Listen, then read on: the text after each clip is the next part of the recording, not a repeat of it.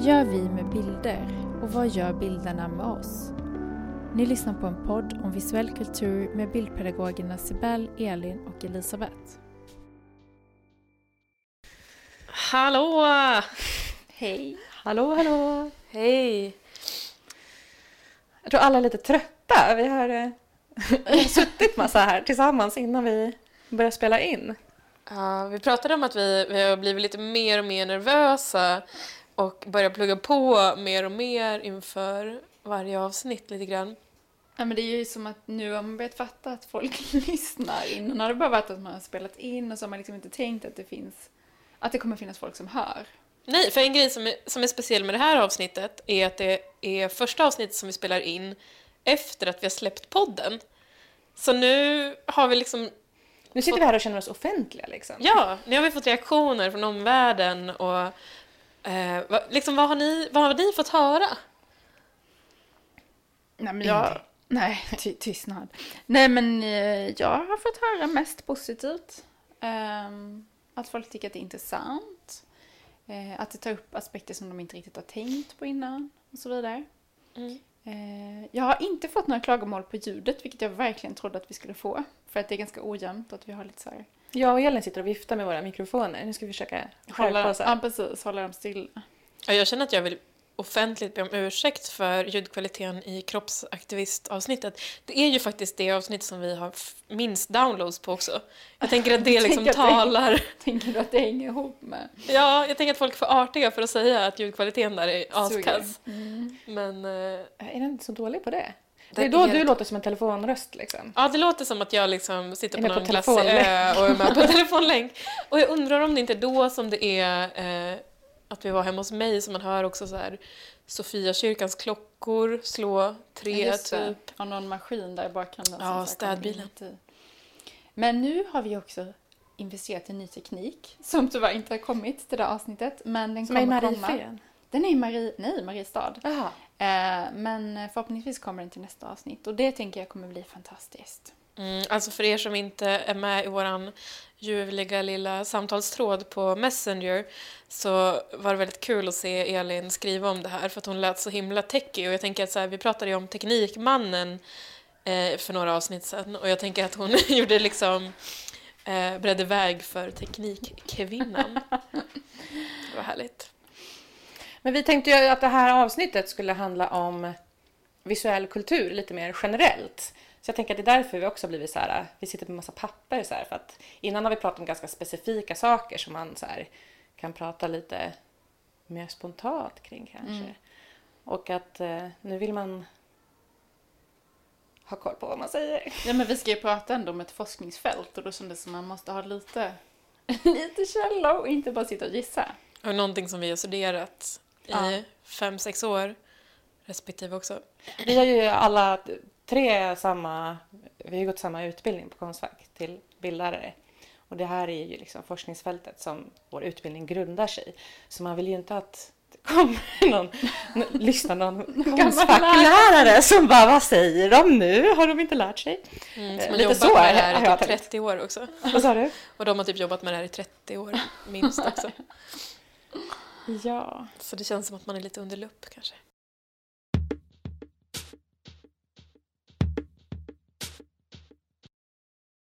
Jaha, men eh, ska vi ge oss på ämnet eller? Ja, ja men Kan jag tänker, eh, ja, absolut. Jag har sagt flera gånger så här lite slarvigt, vi lever i en visuell kultur. Och det, är ju, det stämmer ju inte riktigt om man säger så. Nej, vi kanske ska säga också att vi alla har eh, läst en text av Karin Becker. En ganska gammal text, jag tror att den är gammal. Ja, den, är den känns, den känns lite daterad. Jag vet inte, jag har försökt så här, kolla upp den men jag hittar inte riktigt vad, Nej, men- den är. Men typ 2001 kanske, början av 2000-talet skulle jag gissa. Ja, Den, Eller- den håller sig ju på sätt och vis, liksom, Ja, även om inte jag håller med om allting. absolut. Eh, för hon nämner att visuell kultur är en av, ett av vår tids modeord och jag tänker liksom att det är väl lite så fortfarande också. Eh, hon benar lite i det och eh, texten vi har läst heter Bilden i den visuella kulturen. Men vi har slängt oss väldigt mycket med det här begreppet. Vi kallar ju oss dessutom en podd om visuell kultur. Mm. Så det känns som att vi måste leva upp lite till det namnet och kanske också förklara lite vad, Mm. vad det betyder. Det blir lite metaavsnitt kanske, att vi pratar om vad det är vi har pratat och tänker prata om i den här podden. Mm, och någonting grundläggande som man kanske behöver ha med sig vidare i våra senare Ja, avsnitt precis. också. Och kanske egentligen som eh, man kanske behövt tidigare i våra tidigare avsnitt Precis. också. Nej, men det som man kan börja med att säga är ju att, att vi lever i, en, i ett samhälle där det florerar väldigt mycket bilder överallt. Det betyder inte automatiskt att vi lever i en visuell kultur, utan visuell kultur står egentligen för det specifika sambandet mellan seende och kunskap. Och alla bilder som florerar och olika bildteknologier är ju visuell kulturs artefakter kan man säga. Men att visuell kultur handlar om seende och kunskap. Ja, och det blir lite, jag tycker det är jättesvårt att hänga med. Alltså just det här specifika förhållandet som finns mellan seende och kunskap. Alltså, det är ju ett, ja, det är ett förhållande man vill belysa, eller ett mellanrum mellan två olika saker som gör att det blir mer komplicerat än att det bara är så att titta en bild, en bild, en bild, en bild, en bild, massor av bilder. Och om man benar ut det så, alltså kultur är ju ett svårt begrepp i sig. Ehm, det brukar man ju säga är typ det här svåraste begreppet att reda ut för man använder det på så otroligt många olika sätt. Men en, en, en definition av kultur är ju att det är en betydelsebärande väv med gemensam symbolisk kommunikation. Och om man då lägger på visuell så handlar det om kunskap och meningsbildning som seendet ger upphov till. Och det hänger tätt ihop med vårt identitetsskapande, vår syn på oss själva och vår plats i tillvaron. Så att det blir ju liksom, det blir ju väldigt stort. Men jag tänker ju så här, identitetsskapande, det är ju till exempel vårt första avsnitt, selfies. Där har vi ju liksom hur bilderna, hur teknologin gör det möjligt för oss att lätt ta bilder på oss själva och hur det påverkar vårt identitetsskapande. Till exempel. Eller kroppsaktivism, att det finns normer och ideal hur en kropp ska se ut och sen kan man driva en kamp för att förändra de normerna och det kan man göra via bilder. Men det är också ytterligare då nästa steg att ja men hur ska de bilderna se ut? Hur avläser vi dem på rätt sätt? Eller hur skapar vi dem på, på ett sätt där de får bäst verkan eller så? Och jag, ja, absolut. Jag tänker om man, om man tittar på, på det lite ur ett historiskt perspektiv, alltså seende och kunskap och den relationen, så tänker jag exempelvis på så gamla anatomiska teckningar. Eh, man, man kan inte, om du träffar en annan människa kan du inte se den personens inälvor. Eh, Nej det stämmer. eh, och det är, Förhoppningsvis. Men jag tänker att när man började vad heter det, forska kring hur människokroppen ser ut inuti så tecknade man ju samtidigt av det man såg. Alltså man tecknar tarmar, man tecknar, tecknar lungor, man tecknar hjärta och så vidare. Eh, och på så sätt kan den ju kunskapen också spridas. Så att, förstår ni vad jag menar? Att man, liksom, man tecknar av någonting man inte ser för att visa för andra. Och då blir ju bilden ett kunskapande. Mm. Eh, eller i kyrkan för länge sedan innan läskunnigheten var så stor att, att man nästan anställde konstnärer som gjorde nästan som så här kristna, ja jag kristna för att vi lever i en kristen kultur, men att man, man skapade serier som förklarade vad som hände i Bibeln. Och i förlängningen så var ju också det regler för hur man skulle leva. Så de här bilderna blir ett sätt att prata om Bibeln när folk inte kunde läsa den, exempelvis. Ja, en fin skillnad mellan de två, alltså det dokumentära tecknandet, eller vad man ska kalla det, och, eh, och de bilderna av Bibeln, så är det ju också... Eh, så handlar det också om att, eh, i, vad gäller Bibeln så handlar det också om att man tecknar det man inte kan se. Exakt. Alltså att man skapar en, en bildvärld för någonting som inte är synligt. Precis. Och det är lite samma som Leonardo da Vinci. Jag säger alltid fel. Leonardo DiCaprio sa innan här. Men det är da Vinci vi pratar om. Nej, men lite som han, han, han målade de här flygplansskisserna, eller helikopterskisserna. Han tecknade ju också någonting som man inte kan se, men han hade som en bild, en dröm av att det här kan bli något framtida. Och då blir ju också eh, bilden en kommunikationsform. Ja, precis. Men då är frågan, har, har vi alltid levt i en visuell kultur? Eller, för man, ofta så pratar man ju om det som att det är någonting som är aktuellt idag och det var inte aktuellt förr.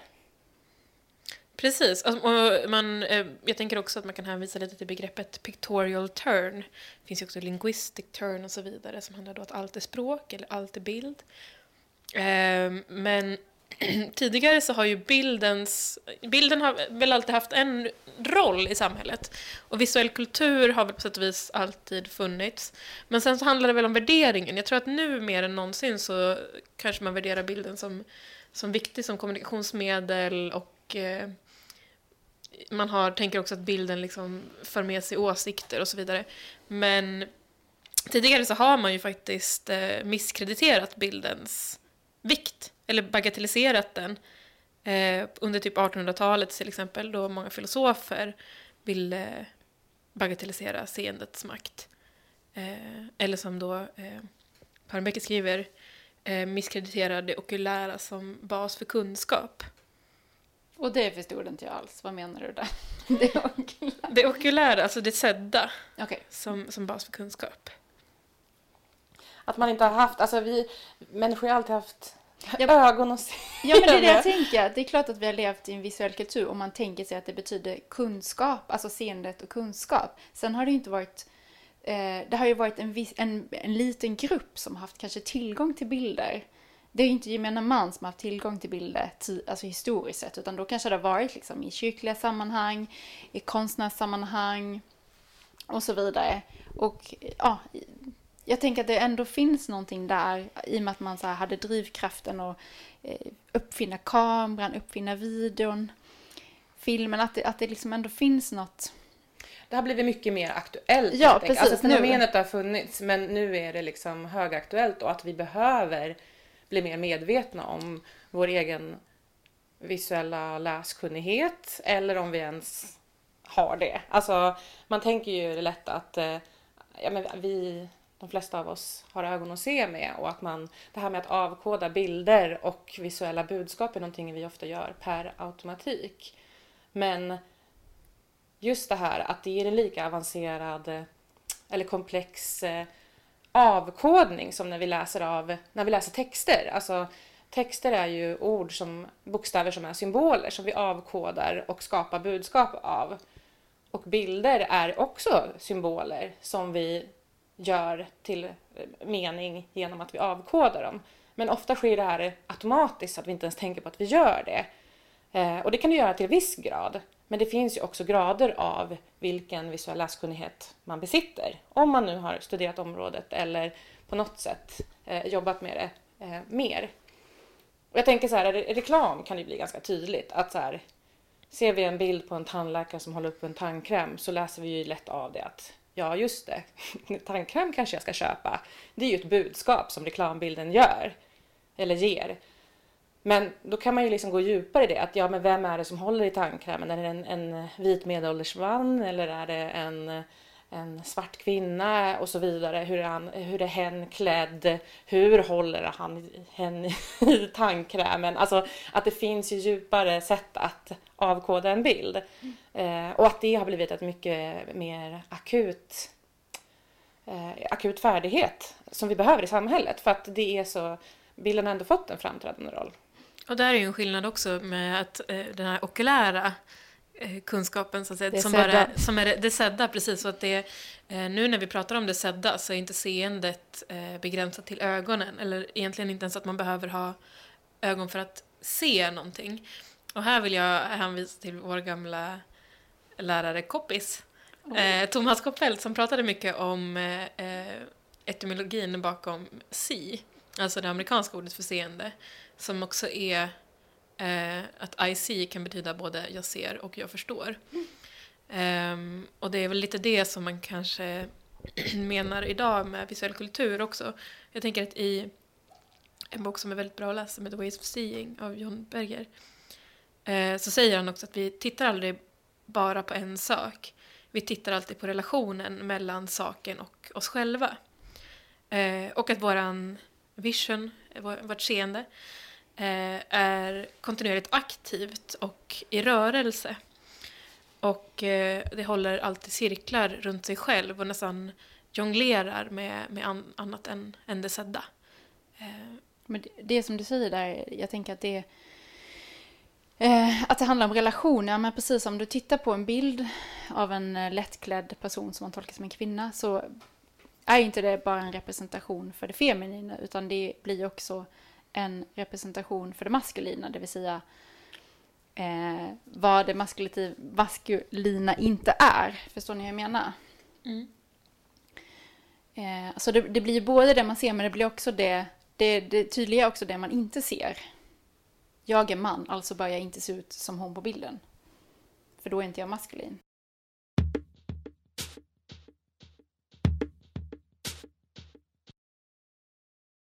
Jag brukar alltid prata om denotation och konnotation med mina elever och jag tror att eh, slutpunkten, eller liksom, jag blir alltid väldigt nöjd när de säger men det finns ju ingenting som är riktigt denotativt. Jag kan ju också börja med att säga att konnotationer handlar ju om eh, färgade analyser av vad man ser.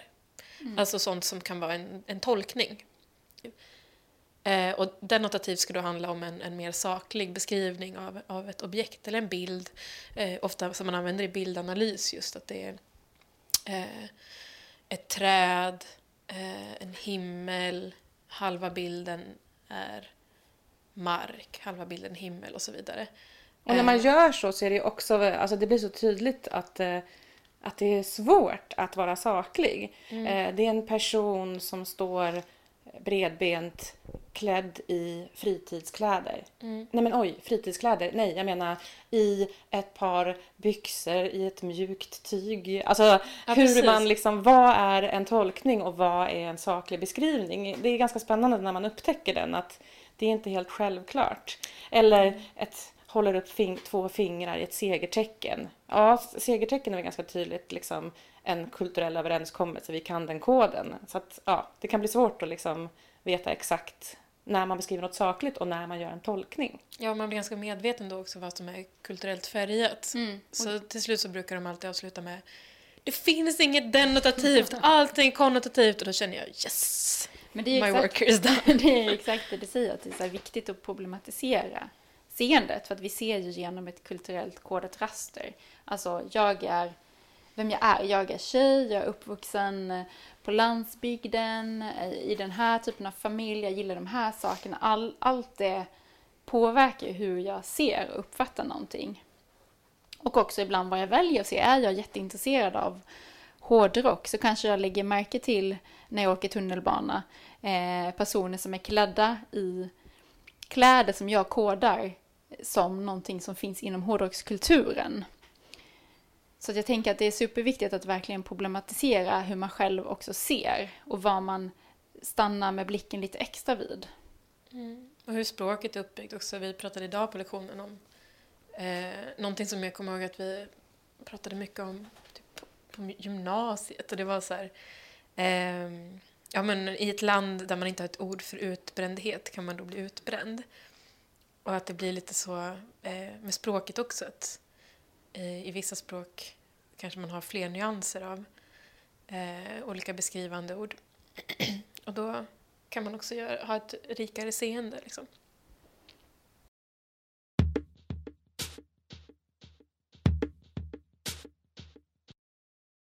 Nej men bilder i sig är ju multimodala kan man säga. Alltså bilder, bilders betydelse skapas i relation till andra saker.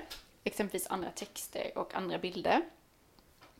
Men även vilket medium alltså bilden är presenterad i. Alltså dels har vi då motivet. Sen har vi medium. Om det är ett foto, en oljemålning, en teckning. Det har också betydelse hur vi, för hur vi tolkar den här bilden.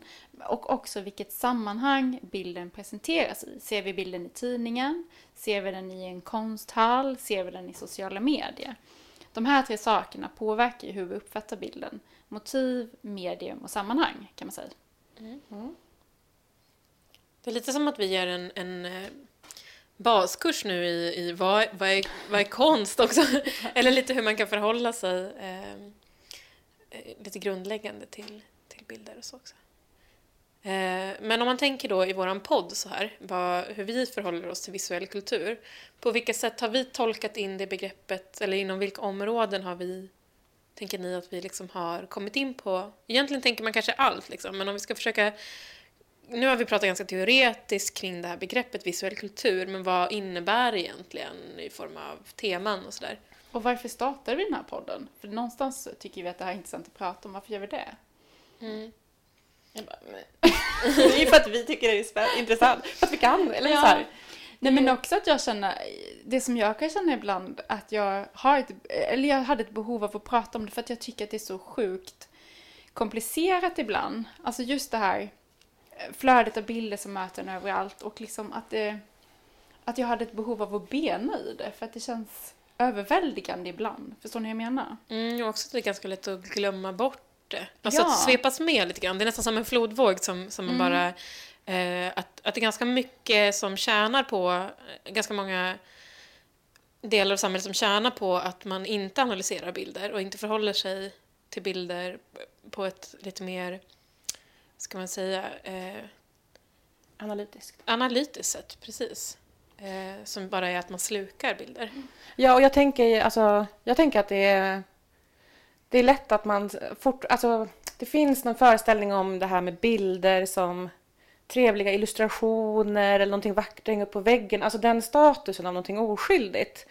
Och att idag skulle jag ändå vilja, på, eller jag skulle ändå vilja hävda att bilder, man pratar ju till och med om bilder som vårt främsta språk, sa de för några veckor sedan på nyheterna. Alltså just det här med att vi har en kamera med oss som vi fingrar på tusen gånger om dagen med vår mobiltelefon. Te- visuell kultur hänger ju väldigt tätt ihop med teknologi också och på vilket sätt vi har möjlighet att framställa bilder. Och idag har vi ju verkligen jättestora möjligheter att alla är fotografer, alla är bildmakare på olika sätt. Och att det händer ju mycket med oss då när vi omges och är både konsumenter och producenter. Och det vi har pratat om är ju till exempel vårt första avsnitt, selfies, och hur man liksom eh, kan externalisera sin egen bild av sig själv genom att ta de här fotona och hur liksom vissa kanske har Instagramkonton som bara består av bilder på sig själva. Ehm, och vilka sorts bilder är det då man tar på sig själv? Hur väljer man liksom att framställa sig själv? Och vad får man för respons? Och var lägger man upp dem? Hur tillgängliga är de? Alltså det finns ju jättemycket Ja, det finns ju tusen områden där bilder har en framträdande roll. Men att den ganska ofta, skulle jag vilja påstå, glöms bort att problematiseras. Det är en kul grej liksom. Gå, gå på, titta på film är en kul grej. Men filmer är ju bildbudskap som har liksom ideologier och eh, ja, det finns väldigt mycket liksom bakom alla, alla olika visuella budskap som man ganska lätt kan glömma bort. Liksom att då tolkar vi dem utifrån vår förmåga per automatik som kanske är då den, den mest grundläggande där att ja, jag vet inte. Jag- Och jag tänker att väldigt många människor har någon slags föreställning om så här, vadå, så fort det är ett foto, vadå, har inte det med verkligheten att göra? Det är väl bara, det är bara ett foto. Det gör världen. Men man, man kanske har en större förståelse för om en bild är målad eller att det är tecknat, att det finns liksom en, en eh, upphovsmakare som har gjort vissa val. Men med foto så lever fortfarande den här lite så här föreställningen kvar att det är något objektivt. Det är bara ett fönster in mot världen och så är det ju inte och det, det är precis som det du beskriver. Det är ju inte så enkelt. Nej, jag tänker att en- en utgångspunkt när man, när man ser bilder generellt kan ju alltid vara vad är det jag inte ser. Liksom. Vad, vad Vilka jag, bilder finns inte, florerar inte liksom. Precis, Nej. vad finns utanför bilden och utanför eh, ramen. Liksom. Ehm, men apropå ingångar till vad vi vill eh, med den här podden liksom, så tänker jag också att man är kanske man vill prata om, om samtidsfenomen också.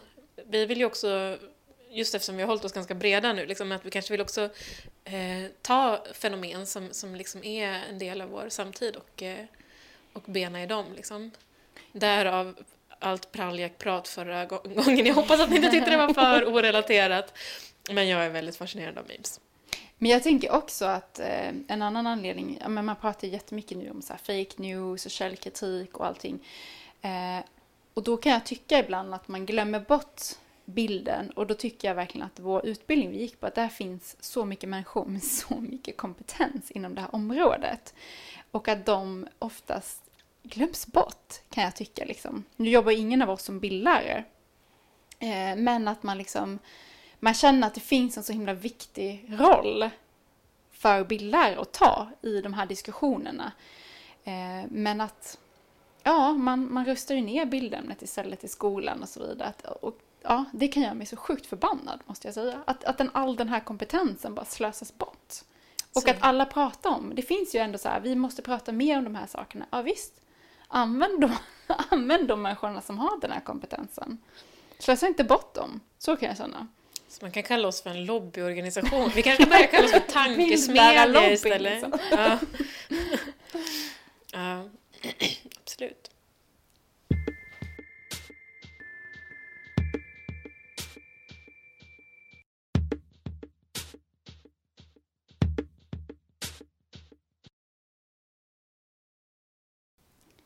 Eh, jag var i ett sammanhang för ett tag sedan som handlade om sociala medier. Eh, där man skulle få lära sig att göra giffar och memes. Och då visade de en bild på en bild på en bild. Eh, som föreställde en massa människor och sen så var det text, alltså pratbubblor med text på den här bilden. Och jag tänkte inte så mycket mer på det. Okej, vi ska lära oss att göra giffar och memes. Men sen efteråt så kände jag så här, men vänta nu. Kan man, göra, kan man göra ett meme? Är inte bara ett meme ett bildmontage? Som förhoppningsvis i bästa fall blir ett meme. Ehm, så då var jag tvungen att säga, jag tycker att det är ett ganska komplicerat begrepp. Alltså jag kan, jag kan känna igen en meme när jag ser det, men just att sätta ord på vad är ett meme tycker jag känns ganska komplicerat.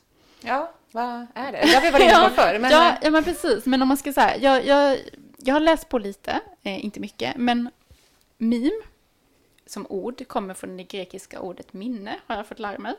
Och det är det här att man inte ska säga mem eller memme. Precis. Ja, just det. Man Det ska säga finns- meme, det har ju du varit Ja, supertydlig det, ja, jag med, så- tänker att de flesta säger memme. Eller Ja, vad säger man? nej, är det sant? Mem, Mem, mem säger man. Mem. ja. Det stavas ju så, men meme är det i alla fall. Jag såg en meme om en tjej som säger Mimi. Är inte det ganska meta? Och det är ganska meta.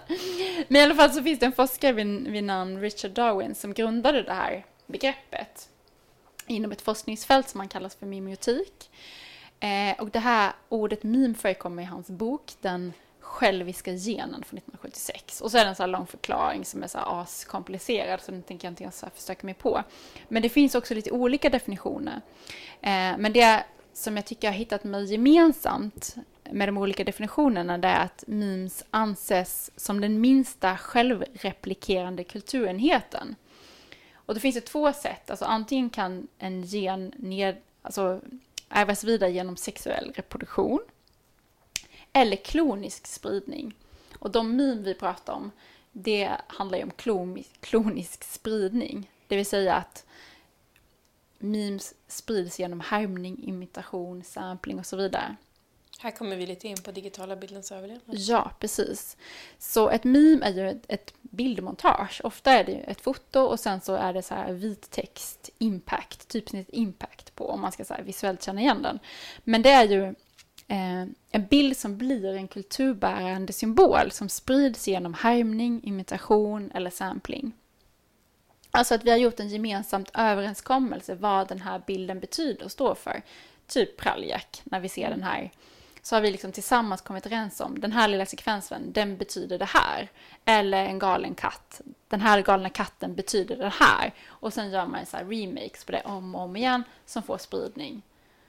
Och sammanfattningsvis då tänker jag att nej, man kan inte göra ett meme. Man kan hoppas på att ens bildmontage blir ett meme, men man kan inte göra ett meme. Jo, man kan ju göra det, men man, eller, ja, man, ja precis, man kan ha intentionerna att göra Ja. det, men om man lyckas återstår ju att se då. Precis, och man kan, här, man kan härma bildkoderna. Men det krävs en spridning för att det ska bli ett meme. Precis, och där kan man ju säga att eh, om vi kopplar det här till visuell kultur så kan man säga att de pratar bara om den enskilda bilden. Som Karin Becker skulle ha kallat, eh, hon kallar liksom eh, bilder och eh, bildteknologi för artefakter inom visuell kultur. Istället så har man då missat hela bild... Eller, no pun intended. Men så har man missat det här med visuella kulturen, alltså det som sker oss emellan, hela den sociala biten. Och sen bara fokuserat på ett skapande utav en bild. Men att eh, idag så lever vi ju i ett samhälle där det oftast är, alltså den sociala biten är halva Mm. konceptet. Ja, och man, kan, man kanske kan till och med se meme som en, ett koncentrat av vad visuell kultur betyder. Att om kultur är en betydelsebärande väv med gemensam symbolisk kommunikation så blir ju meme den visuella gemensamma symboliska kommunikationen som vi har en liksom överensstämmande eh, förståelse för. Ja. Eller betydelsebildning för. Har ni, har ni några fler exempel? På, för jag, jag tänker att det här var ett exempel på, på hur det funkar i praktik, eller liksom ett ganska konkret exempel på vad, vad är visuell kultur idag? Hur använder vi det? Ja, men jag, jag har tänkt mycket på, på kukbilder, alltså dick Det går du att tänka på. Ja, men just för att det är ett så otroligt konstigt fenomen. Alltså att det är så många unga tjejer och vuxna kvinnor också som får motta dickpics. Alltså, det är liksom män som drar ner byxorna och tar bild på sitt kön och skickar. Um, kanske i, eller ja, i, i olika syften.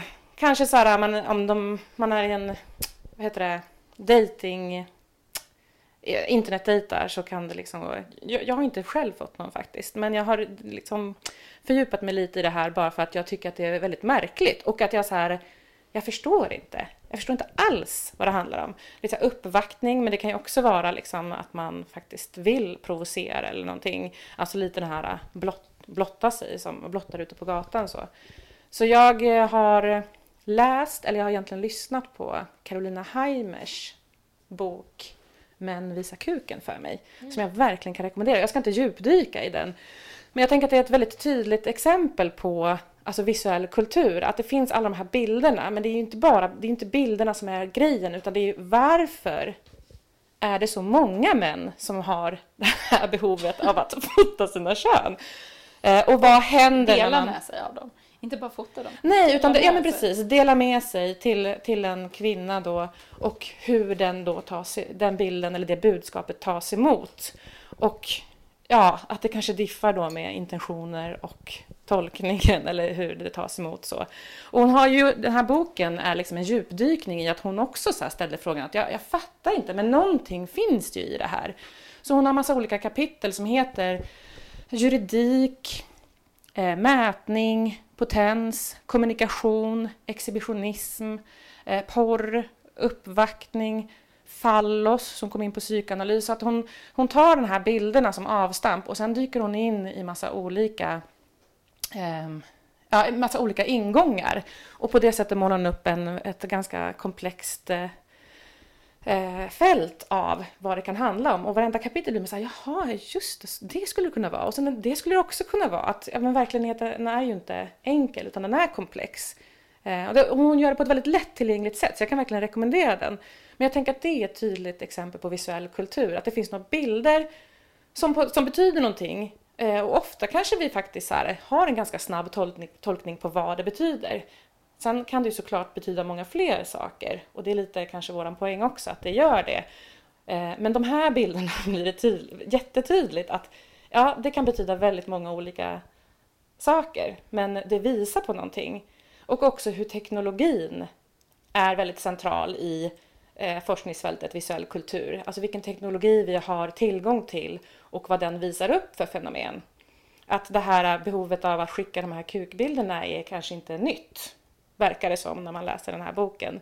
Ja, Ehm, alltså, Men teknologin har gjort att det har blivit så enkelt så att det har blivit ett fenomen på det här sättet. Och det tas även upp i boken att mycket teknologi eh, går ganska snabbt över till att användas för sex.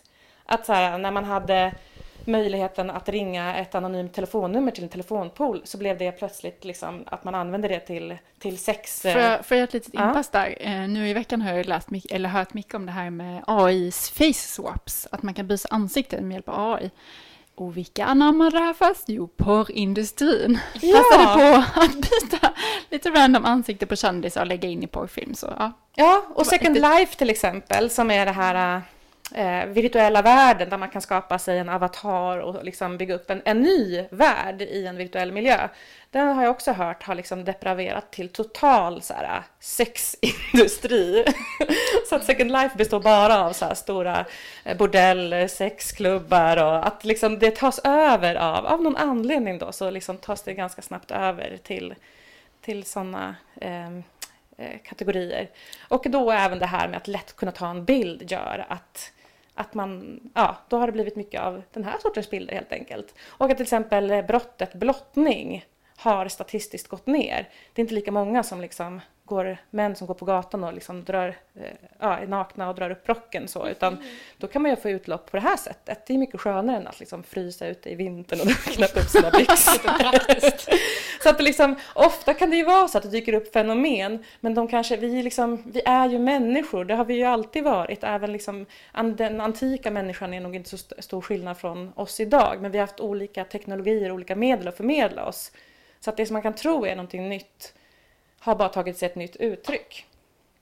Mm, vi, har ju liksom, vi har varit inne ibland på eh, just hur eh, för, för någonting som blir lite ytligt kanske i det här med att bildteknologi och bilder är eh, artefakter är väl att de också kan vara medskapare av, alltså de, de kan skapa bilder, de skapar ju förutsättningarna. Eh, men jag blev lite nyfiken på vad du menade med eh, att det är inte är ett nytt fenomen, för jag tänker just att dickpics är jättesamtida liksom. Eller tänker du blottning i stort? Eh, ja, och alltså, jag vågar inte liksom hänvisa för mycket. Ja, min kunskap är ju från, från hennes bok då och jag är inte så här super påläst, att jag, det är risk att jag refererar fel. Men att det finns väldigt mycket kring liksom manlighet och männens kön liksom, som, eh, som kan ta sig uttryck då i, i den här bilden. Mm. Om, man, om man säger så. Um, sen så just att, och, och, att det har även funnits liksom um, kvinnor som har fått eh, kukbilder tidigare analoga vägen. Då har de ju fått jobba mycket hårdare med en analog kamera. Man vet inte om det blir en bra bild. Man måste knäppa upp en hel rulle. Man måste skaffa ett kuvert, frankera det, leta upp en adress, gå till postlådan, skicka. Så att de som gjorde det då fick ju kämpa ganska hårt för det här eh, driften eller vad det nu ska kallas.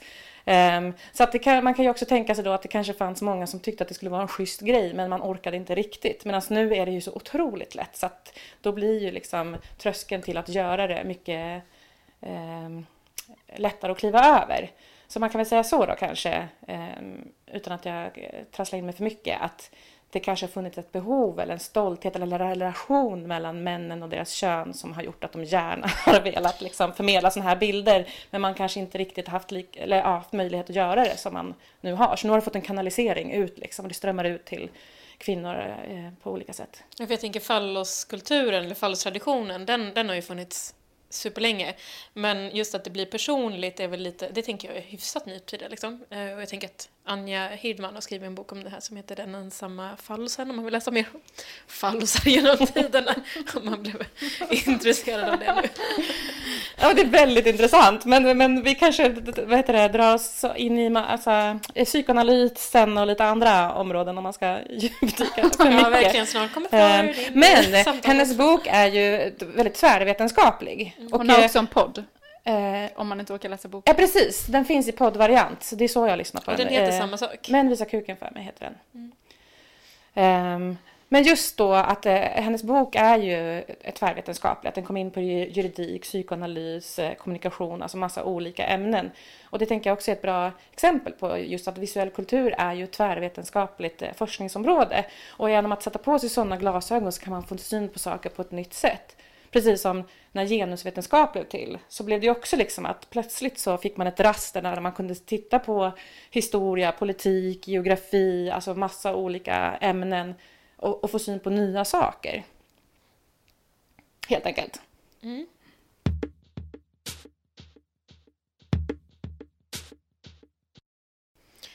Och jag tänker att vi ska försöka sammanfatta det här lite om visuell kultur nu och då. Liksom, hur ska man vi har pratat lite om eh, eh, olika praktiker som vi kopplar till visuell kultur idag.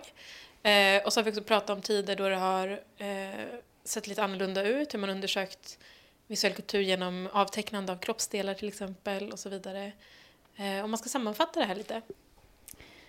Nej, men genom tiderna så har man ju alltid på något sätt med hjälp av bilder försökt liksom fånga världen, eller om man ska säga fånga livet. Alltså jag tänker på impressionisterna som försökte så med hjälp av oljemålning fånga ögonblicket, vilket känns ganska roligt om man tänker på det nu. Eh, och jag tror att Monet hade kanske älskat Snapchat? Eller vad tror ni? Mm, absolut, hade ju un ja, underlättat en hel del. Gått lite snabbare. Jag tror Monet när han målade Fånga- sina höstackar, det tog nog Fånga ändå ögonblicket ett tag alltså. två veckor. Ja, exakt. Ja, och det är också intressant att vad man har tillgång till då jag skapar hela bilden också. Just det här, hur ska jag kunna fånga ett ögonblick? Man kan ju säga det här med höstackarna också, var ju att de målades om hela tiden för att bara följa ögonblicket. För att det var det bästa man kunde åstadkomma då, och då skapar det sådana bilder också. Ja, den teknologi då var ju liksom pensel och färg. Och det skapar en sorts bild på samma Mm, sätt som Mm. eh, dagens teknologi skapar dickpics. Eller andra. Åh, nej, förlåt. Nu börjar jag bli trött. Då eh, är vi klara tror jag. Då är det bäst, då är det bäst att vi slutar. Det är bäst att vi slutar tror jag jag kommer.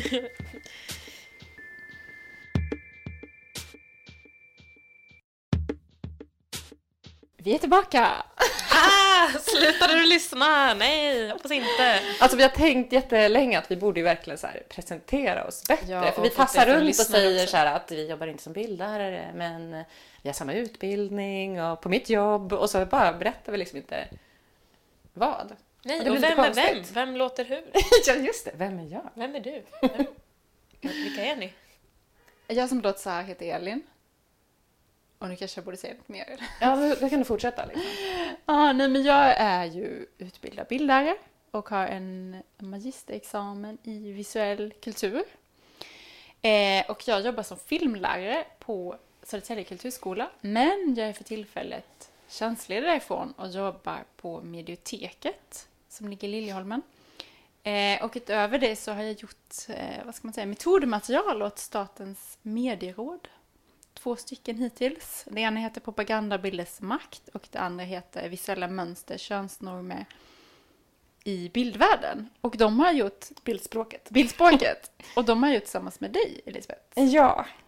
Ehm, för vi har ju gått, alla gått samma utbildning fast vi har gått olika årskurser så att vi har ju inte liksom umgåtts när vi pluggade utan vi har ju setts i arbetslivet. Eh, så jag och Elin, jag är ju Elisabeth då. och jag och Elin har jobbat ihop först på Kulturskolan. Ehm, och nu ska jag snart bli föräldraledig. Så då är Elin min vikarie på Medioteket, vilket är så passande. Och det är vi som har gjort det här materialet till Statens medieråd då, i två omgångar. Och eh, Medioteket kan man ju säga är en, alltså vi jobbar i centralförvaltning i, i Stockholms stad som en resurs för Stockholms stads skolor. Eh, där vi jobbar just med de här ämnena, att eh, främja visuell läskunnighet och eh, öka digital kompetens på Stockholms stads skolor. Eh, kort så. Men den här podden är ju liksom någonting vi gör privat, så att det är ju Yes, inte på liksom i någon jobbregi så. Ehm, ja, Och Sibel, vi har ju också träffats på Kulturskolan. Alla vägar leder till Ja, Kulturskolan. precis. Och det är lustigt för ingen jobbar kvar där nu, men, eh, men jag träffade Elin på Kulturskolan eh, och vi arbetade ihop i ett år på samma kurs, eller hur, som ni haft tillsammans också. Så att jag var liksom bara någon slags ny Elisabeth, eller hur man ska säga. Eh, men ja, så vi, och vi, jag vet inte om det var du och jag, vi satt och drack öl och tänkte Ja. att vi ska ha en podd, men ni hade också kanske druckit öl och snackat om att ha en podd. Nej, det hade vi inte. Nej, utan jag fick ett sms där ni När vi hade sa- bestämt att vi skulle ha det och då sa jag ja, ja, Ja, kommer? Vi messade, ju, vi messade ju Elisabeth när vi satt på baren. Ja, Du ska vara med i en podd. På Baltasar, ja. Du ska vara med i en podd. Ja, Okej, sa. Elisabeth. ja det är perfekt. Och första gången jag träffade Elisabeth så hade jag eh, tillsammans med min gamla klasskompis Frida haft en föreläsning för läskigt mycket folk på Konstfack och var så här helt skakis efteråt. Eh, och då handlade det om eh, tillgängliggörande bildpedagogik. Eh, Ja, precis. Och det var ju, då så tänkte jag att nu ger jag mig till känna så här för att jag visste vem du var men vi hade ju aldrig träffats. Jag vet inte om vi till och med hade pratat om jag tror att ni hade bestämt att vi skulle göra en podd ihop. Ja. Innan jag visste vem du var. Så. så Och jag hade sagt, hon heter Sibel, hon kommer hålla den här föreläsningen. Gå dit och säg hej. Ja, så då kom du fram och hälsade på mig eh, och jag var helt eh, jättesvettig och förstod ingenting. Och så här, Åh, den här personen verkar kul. Vad hette hon för någonting? för ni vet, så här, när man hälsar på någon så koncentrerar man sig bara på att säga sitt eget namn. Försöka komma ihåg vad man själv ens heter. Men jag, jag är väl den som är färskast utbildad, så att säga. Eh, och varit inte så många år i, eh, i arbetslivet, men Eh, jag har ju också jobbat på Kulturskolan, haft eh, lite skapande skolverksamhet, eh, jobbar på en folkhögskola just nu med mediekommunikation. Och eh, jobbar också på en konsthall där jag håller en del visningar och så. Så jag tycker om att få in konstperspektivet också. Mm. Och det har ofta också efterfrågats en bild på oss, så jag antar att vi får försöka, försöka få till det också. Att man vill gärna ha ett ansikte på den som pratar. Ja, för vi bangade ju att lägga upp våra selfies. Ja, det var jag som bangade. Det var det faktiskt. Förlåt. Det är okej. Det är okej. Vi gör ett nytt försök. okej, men det var lite om oss. Behöver vi säga något mer? Nej, jag vet inte. Vi Inte kommer nu. väl lära känna oss liksom. Ja, jag tänker det också. Då, då kanske vi är klara. Ah, Okej, okay, nu får ni sluta lyssna. Tack så hemskt mycket för att ni har lyssnat på Bildpodden. Um, vi hörs i nästa avsnitt. Tack, hej då. Hej. Var den bra? Det var bra.